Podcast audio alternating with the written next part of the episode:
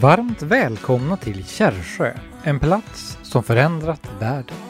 Både Tältmissionen och Hoppets Stjärna, med verksamhet i fem världsdelar, har sina världshögkvarter i den här byn. Det var här deras grundare, Erik Gunnar Eriksson, växte upp. Det var här han höll den första Kärrsjökonferensen 1964. Och det var här, under den sjätte konferensen, som Hoppets Stjärna föddes. Och i detta nu deltar du i den digitala Kärrsjökonferensen 2021.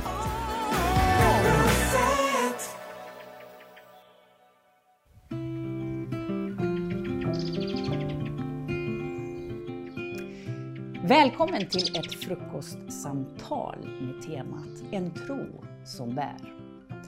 Och jag hoppas att ni har det lika trevligt som vi har det här i Kärrfjorden med eran kaffekopp.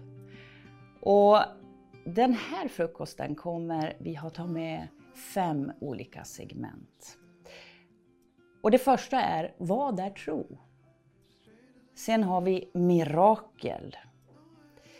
Från tro till handling. Förebilder och motgång. Och med mig här så har jag Karina Ådahl. Välkommen! Tackar! Lina Stav. Tack! Jättehärligt att du är med oss. Och Ivanette Eriksson. Välkommen! Tack! Och jag tänkte att vi skulle mjukstarta med en liten snabb fråga. Om ni ska be beskriva tro med en mening, vad säger ni då? Karina? Ja, jag skulle vilja säga att eh, för mig så är det grundtrygghet. Kort och gott. Det är Ja. precis det är kort och gott. Ja, det är det är bra. mitt fundament, det är det jag står på. Lina? Nej, men tron på eh, Jesus är väl en mening. Jajamän. Eh, nej, men tron på Jesus är eh, min relation till honom. Att han är, han är min vän och han är med mig. Och det, ja, det är min trygghet. Liksom. Mm. Ja, tron är någon grund som bär oss i livet och, och som finns inom oss. En, något, som, något som man har inom sig som man kan bär, med, som bär dig i livet. Och den tro finns genom Jesus. Härligt. Nästa punkt som vi har skrivit upp, det är mirakel. Och du Lina, du har ju en väldigt stark historia om mirakel. Kan du berätta om det? Det som jag kom att tänka på, som kanske var för mig liksom, första gången som jag märkte att jag fick ett bönesvar. Eh, sen har det ju skett många gånger sen dess. Jag var student i Australien, pluggade konst där. Eh, var nog ganska vilsen, visste inte riktigt eh, vad jag trodde på, eh, var hur livet skulle se ut. Eh, ja, överlag så eh, mådde jag inte så bra. Eh, väldigt eh, deppig, jag tyckte att det var jobbigt. Jag tyckte inte att jag såg en framtid som Eh, ja, men, så här, varför är man värdefull? Vad, vad ska, varför ska jag plugga det jag pluggar? Ja, men ja, det var mycket sådana existentialistiska frågor som pågick i mig och tyngde mig jättemycket. Eh, och en kväll så hade jag fått nog där i min lägenhet i Perth. Jag, vet, jag fattar inte varför jag överhuvudtaget eh, ska fortsätta det här livet. Jag bara, jag, jag bara sa så här, Gud om du finns eh, så Ehm, jag vill verkligen inte dö. Men jag, jag vet inte varför jag ska leva. Jag kan, inte, jag kan inte se, allting är bra men jag är aldrig glad. Varför kan inte jag vara glad? Varför har jag ingen frid? Så om du finns på riktigt så måste du komma och visa mig det. För annars så vet jag inte vad jag gör, typ så. Ehm, och det här var på ett lov. ehm, och jag jobbade, hade så här askastjobb där man får en dollar per såld lott. Det var typ som att sälja bingolotter fast raffle tickets som man hjälpte något fotbollslag så här. Så då skulle vi åka ut nästa dag ehm, och där från ingenstans när jag sitter och bara är noll inbjudande och bara önskar att dagen ska ta slut. Då kommer upp en kvinna till mig som är kanske 55, stort, grått, burrigt hår. Och sen så bara säger hon till mig så här bara, har du sökt en djupare mening med livet någon gång? Och jag kommer ihåg, jag bara svarade så patetiskt. Bara, yes, but it doesn't work out for me. Eh, och sen så bara får hon världens så här, kunskapens ord, då, eller hon hör ju någonting från Gud till mig. Och så bara, du har sökt din trygghet i det här och det här och det här och du har gjort det här och det här och det här och du tror att det ska bringa dig livet, du tror att det ska bringa dig glädje, men inget av det har, har liksom gett någon tillfredsställelse. Men eh, Gud han älskar dig och han vill att du ska bli född på nytt. Och det var ju så här, i min mörka värld så var det bara som någon tar en fotoblixt rakt in i, liksom, det var ju liksom bright light, det var lite för mycket, men jag bara, det här är mitt bönesvar. Det bara landade så här, jag bad igår innan jag somnade, här, nu är det förmiddag och här kommer någon som jag har aldrig varit här förut, jag är långt bort från där jag bor, som inte vet någonting om mig och bara talar rakt in i mitt liv i fem minuter. Eh, så det var mitt första sådär eh, som fick mig liksom, om man har liksom en världsbild så börjar ju den ju krackelera. Det börjar bli liksom sprickor och där så börjar ljuset skina in lite, att det finns någonting bortanför eh, liksom hela det här konceptet som jag lever i. Att det här som jag hoppas på är på riktigt börjar liksom tändas i mig. Så det är kanske mitt så första och största. Häftigt. Karina, vad tror du om mirakels, alltså hur stor betydelse har mirakel för den kristna tron? Ja, men det tror jag betyder jättemycket. Alltså det jag ser som eh, det är små mirakel varje dag. Alltså vardagsmirakel. Mm. Eh, bara att man, man eh, för en ständig eh, diskussion med Gud om små saker. Jag menar, jag ber ju om allt när jag tappar och förlägger saker. Jag ber och jätteofta får jag bönesvar. Och det är mirakel för mig. Mir mirakel i vardagen? Vardagsmirakel. Ja, vardagsmirakel. Ja. Ivanette, vad säger du om det? Har du vardagsmirakel? Bara att jag är ju här idag.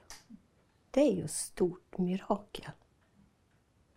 Och det är ju jätteviktigt att man får tänka på det för att många gånger man är lätt att man liksom oh, man klagar och gnäller över det och så mycket men man måste tänka mirakel sker hela tiden.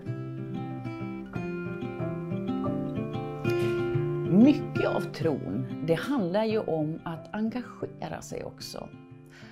Och min egen pappa, som startade Hoppets Stjärna. Eller ja, innan det var det ju Tältmissionen, en missionsorganisation. Men han hade ju det här äh, devisen, den här devisen Tro är handling. Det var väldigt starkt för honom. Och jag vet Karina att många känner ju till din man Frank som är artist.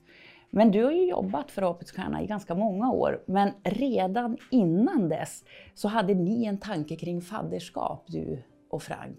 Kan inte du berätta lite om det? Jag tycker det är så både intressant och ja, härligt helt enkelt. Jo, men det började eh, när vi fick vårt första barn. Eh, och då eh, börjar man ju tänka på, ja men man blir ju lite grann som, som nybliven förälder så blir man ju liksom, man tänker man kan tänka lite annorlunda, man tänker liksom vidare och eh, så att man börjar fundera och tänkte att ja, men sätter vi barn till den här världen? Hur, hur liksom, det finns ju så många barn som inte har det så bra som barn i Sverige har eller, eller i den här delen av världen har det. Så jag behöver tänka det att, att ja, men, om vi sätter barn till världen och det finns så många barn, andra barn som behöver hjälp, så ska vi väl kunna hjälpa dem också. Så att eh, för varje barn vi fick så eh, fick vi ett nytt fadderbarn. Eh, och det kändes så rätt för oss att, att kunna hjälpa andra. Och sedan så när våra egna barn blev lite större så kunde vi titta på foton så vi fick och se, titta liksom, så här har barn i andra världen, de hjälper vi så gott vi kan. Liksom. Så att det kändes som en, en väldigt viktig del i just det här att kunna, kunna hjälpa någon som inte har så bra. Visst är det ganska härligt? Vad säger ni? Det, det, det är en otroligt härlig inställning. Ja, och viktigt. Absolut. Ja. Eh, men ni, du har ju varit med och besökt era barn på Filippinerna. Du och Frank var ju där för några år sedan. Ja, och det var ju, ja, men det var ju så... Alltså man, man får ju se foton och man får höra berättelser och man, man får ju veta ganska mycket när man sitter hemma. men sen när vi åkte ut och hälsade på och fick, fick uppleva hela omgivningen, fick se skolan, fick se hur de bor hemma.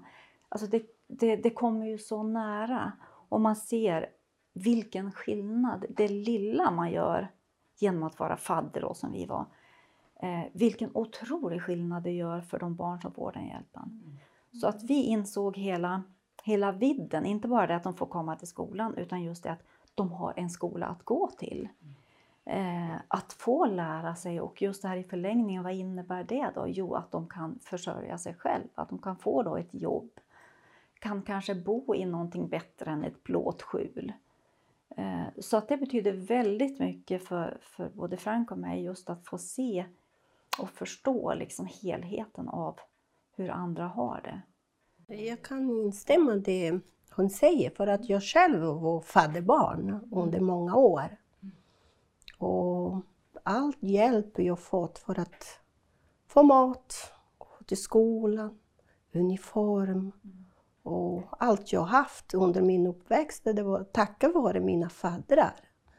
Och mina utbildningar, allt jag fått, det var ju deras stöd.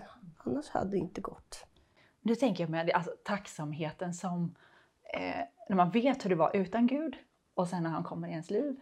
Så det är så här, ja men jag käkade den här grismaten förut och sen fick jag världens bästa mat. Då vill jag liksom att alla andra ska få del av det jag har. Mm. Eh, och jag tror vi har olika passioner och vi drömmer om att se olika saker men allt det här som kanske inte är så här längst upp på, liksom, i mitt hjärta och bara det slår för det varje dag. Men man gläds ändå över att höra alla andra bara, men det mm. gör du och det gör du, wow, wow. Liksom man, man, blir lycklig. Jag tror man är skapad för att få ge tillbaka in i det här. Jag tror att eh, vare sig man känner Jesus eller inte så känner man att jag är menad för att och, och, och liksom göra goda grejer för andra. Och sen så ju mer man känna honom, ju mer specifik blir man ju och kommer in och, och får leda sin mer specifikt, tänker jag, till områden som, som gäller just nu. Mm. Liksom. Och jag tänker att det är en hel ocean av saker man kan göra gott. Dels det sociala, dels även berätta om, om Jesus, för det är ju något, något gott vi gör för andra, även om vi gör det rent andligt. Och även många andra saker som man kan göra som är gott. Och allt får vi göra för Jesus skull, det är inte dåligt, tänker jag. Vi ska prata lite om förebilder. Och jag tänker alldeles speciellt på mina föräldrar, eller framförallt eh, på min mamma. Hon var verkligen en förebild för mig, en oerhört stark kvinna som eh, på något sätt tog hand om oss och tog hand om allt medan pappa var ju den som startade hela verksamheten och Hoppets och Tältmissionen och, och allt det. Ivanette, du hade ju en, en, speciell uppväxt kan man säga. Du växte upp på Hoppets Stjärnas första barnhem i Brasilien utan föräldrar. Men du hade en annan kvinna som var som en mamma för dig. Mm. Och på Hoppets Stjärnas 50-årsjubileum för ett par år sedan så var ju du tillsammans med henne i Brasilien. Och vi ska titta på ett klipp därifrån. Nej, Gud. Nej. Nej, gå. Nej. Nej. Nej, nej, nej, nej, nej, nej, nej, nej. Oh, ska jag ha hatten på mig? Olla. Obrigada, é mesmo, fantástico. Obrigado por tudo, viu, irmão falou. Ulla-Britt är den mamma som vi barn som växte upp här inte haft. Vi har varit en stor familj och hon har varit mamma för oss alla. Hon har varit den som tog hand om oss och i varje, varje detalj har hon varit där. Och hon som bad för oss och hon har lärt oss kristna värderingar. Hon som läste Bibeln åt oss. Och, och hon, hon har funnits här sedan vi hamnade här på barnhemmet. Så hon betyder allt.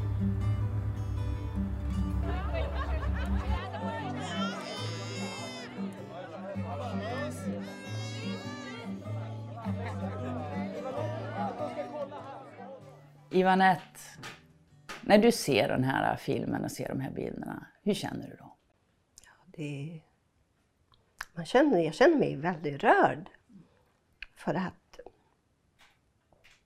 när man tänker på hennes historia som missionär i Brasilien och, och hennes tro att komma dit utan att kunna känna kulturen. Hon kunde inte språket. Hon kunde ingenting. Hon bara åkte dit i tro.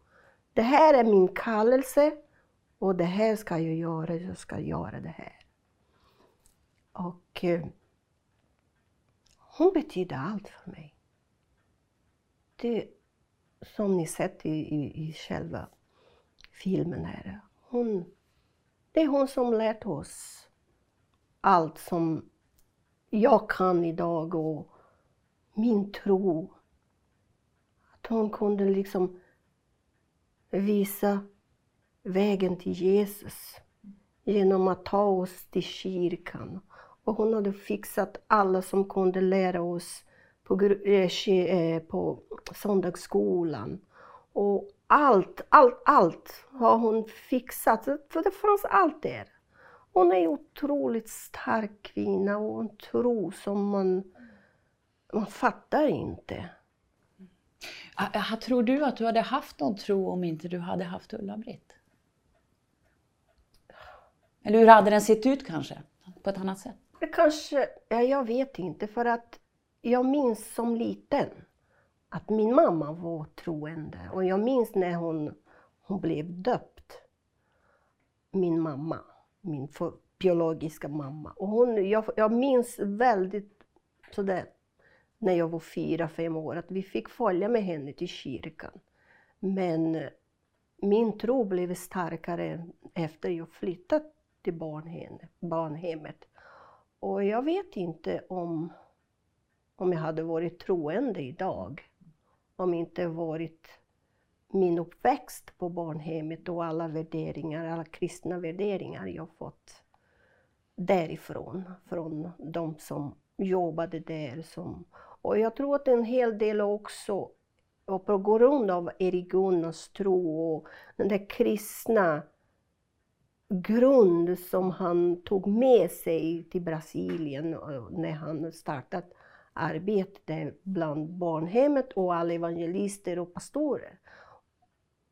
Och jag tror att det kom därifrån, annars hade det varit annorlunda, tror jag. Vi pratade lite tidigare här om, eh, om faddrar och fadder. Du var ju ett fadderbarn och hade faddrar i Sverige. Hur upplevde du att det var? Det var ju fantastiskt, för att man...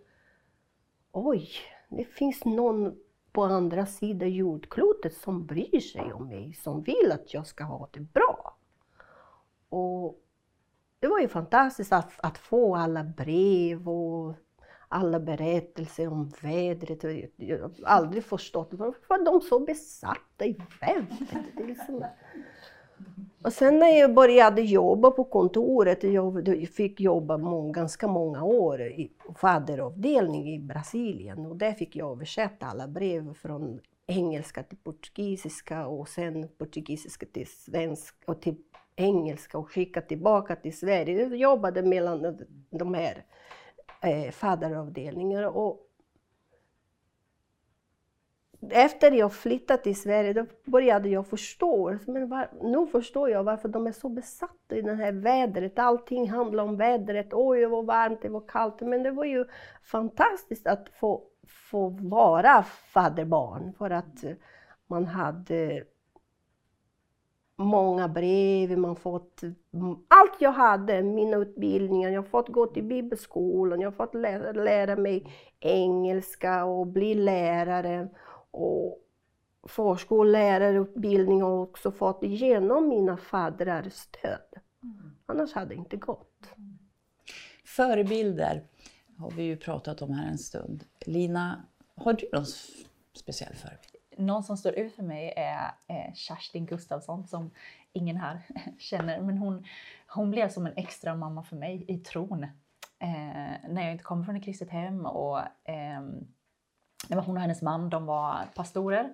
De gick väl liksom två månaders bibelskola och sen var det ut på fältet liksom och var pastorer hela deras liv. Liksom. Och sen så Eh, när jag kom tillbaka från Australien och var tillbaka på ruta ett och liksom flyttade in min, hos min pappa igen och sådär och sen så gick jag bibelskola och men det var ju så här, hela mitt liksom förra, förra liv eh, var ju liksom med kompisar som inte tror på Gud. Eh, och jag bara, vil, vilka, vem är min backup? Och hon bara kom in i mitt liv och bara tar sig an mig och eh, finns nära mig. Alltså vill göra livet för mig och vill liksom lärjungaträna mig och även vad man ska säga och bara stötta och finnas med. Eh, så hon är en superförebild. Hur jobbigt är inte det? Att finnas i någons liv liksom, flera dagar i veckan. Alltså det är så här, på distans, vi kan ta en fika en gång varannan månad. Det är inte så jobbigt. Men att liksom, ta in någon i sitt hem och liksom, uppmuntra och liksom, be för och liksom, bara så här, leva livet enkelt och liksom bara vara den hon är. Eh, superstark, eh, kärleksfull människa. Så hon är nog en av mina stora förebilder som jag verkligen inte skulle varit där jag är eh, någonstans utan henne och hennes man. Mm.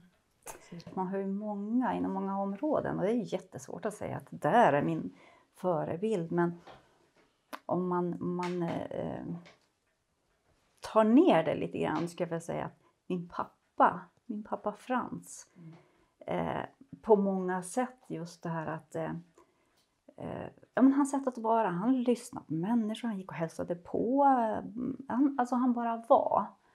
Eh, och det är någonting jag gillar, eh, just det här att man bara är sig själv. Och eh, han såg den lilla människan, han hjälpte till och han gjorde vad han kunde för sina medmänniskor. Just det här att göra mot andra, så, eller behandla andra som du själv vill bli behandlad. Och det, det tycker jag var så fint, just det här att han han fanns till, liksom. hjälpte till och var en, en glad filur som livade upp.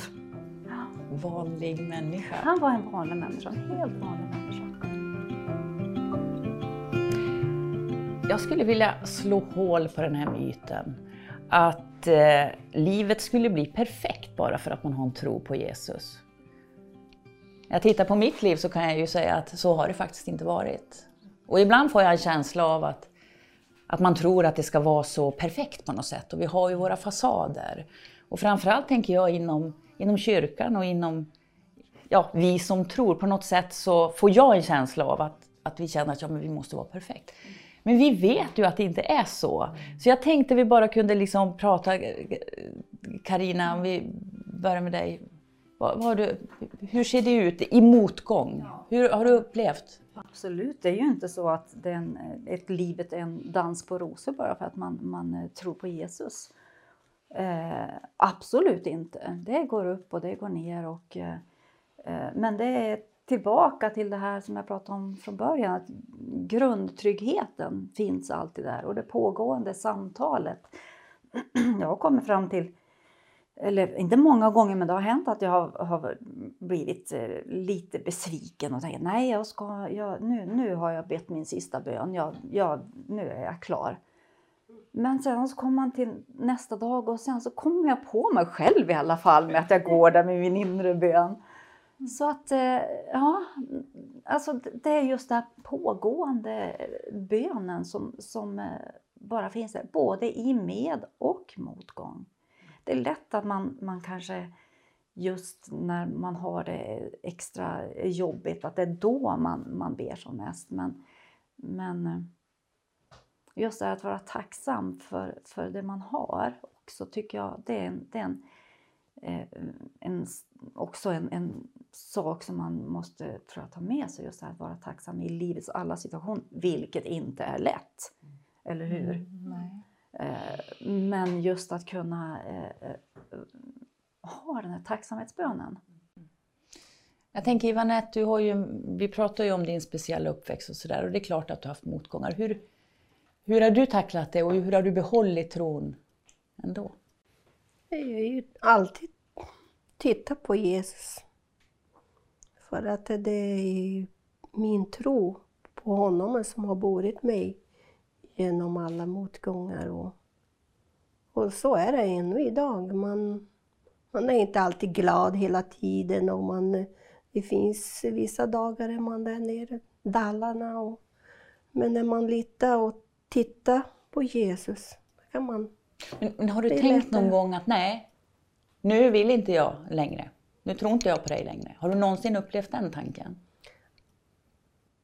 Ja, man kanske har liksom har varit liksom kallnat på något sätt. Och, äh, jag orkar inte med det här kyrkan och det är så mycket krav där och jag vill leva på mitt sätt.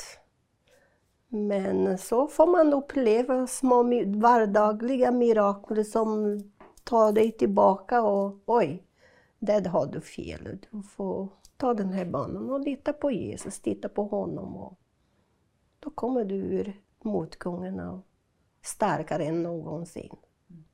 En dokumentärfilm som heter Swedish Theory of Love och där, eh, den var på SVT, låg länge där, SVT Play. Men i alla fall, jag tyckte den var ganska intressant, lite olika aspekter. Så, men en, där fanns det någon polsk forskare i alla fall på lycka, bland annat, eh, liksom i i västerländska kulturer och så här. Och hur, hur, vad är lycka och vad gör, vad gör en människa lycklig? Och han kommer ju inte från ett kristet perspektiv alls, men han säger att det som gör en människa lycklig, det är eh, att övervinna sina motgångar.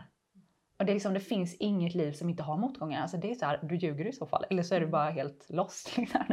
Alla har ju motgångar. Alltså det här livet är ju typ skapat för att vara som ett eh, gym, liksom, som man får lära sig att se. Alltså, och Gud är menad att vara i våra liv och ge oss den kraften och kapaciteten att, att ta oss förbi det. Men jag tänker, om man tänker så, då blir det mycket lättare när motgångarna kommer än att tänka, jag är en failure för jag har motgångar, eller nu blir mitt äktenskap så här, eller nu ser mitt jobb ut så här, eller mina ungar är inte lika glada som hennes ungar, eller liksom vad det nu kan vara. Eh, och att man jämför sig med andra och sådär. Och att man hela tiden tror att, att eh, jag är bara välsignad om det hela tiden är halleluja. Men det är ju inte så. Om man tänker så istället att jag kommer möta motgångar och det här är liksom mitt inre gym där Gud får ge mig kraften och liksom att han får vägleda mig. För jag kan inte veta hur jag ska ta mig igenom det här. Jag kan inte veta det för den här dagen när jag står mitt mm. i det. Eh, man kan tänka så här skulle jag göra, så här skulle jag göra, men så, så blir det ju sällan. Utan man får liksom navigera varje dag. Men, men, men, kan man tänka så här att de motgångar vi går igenom, att det på något sätt också kan vara hjälp till för andra? Mm.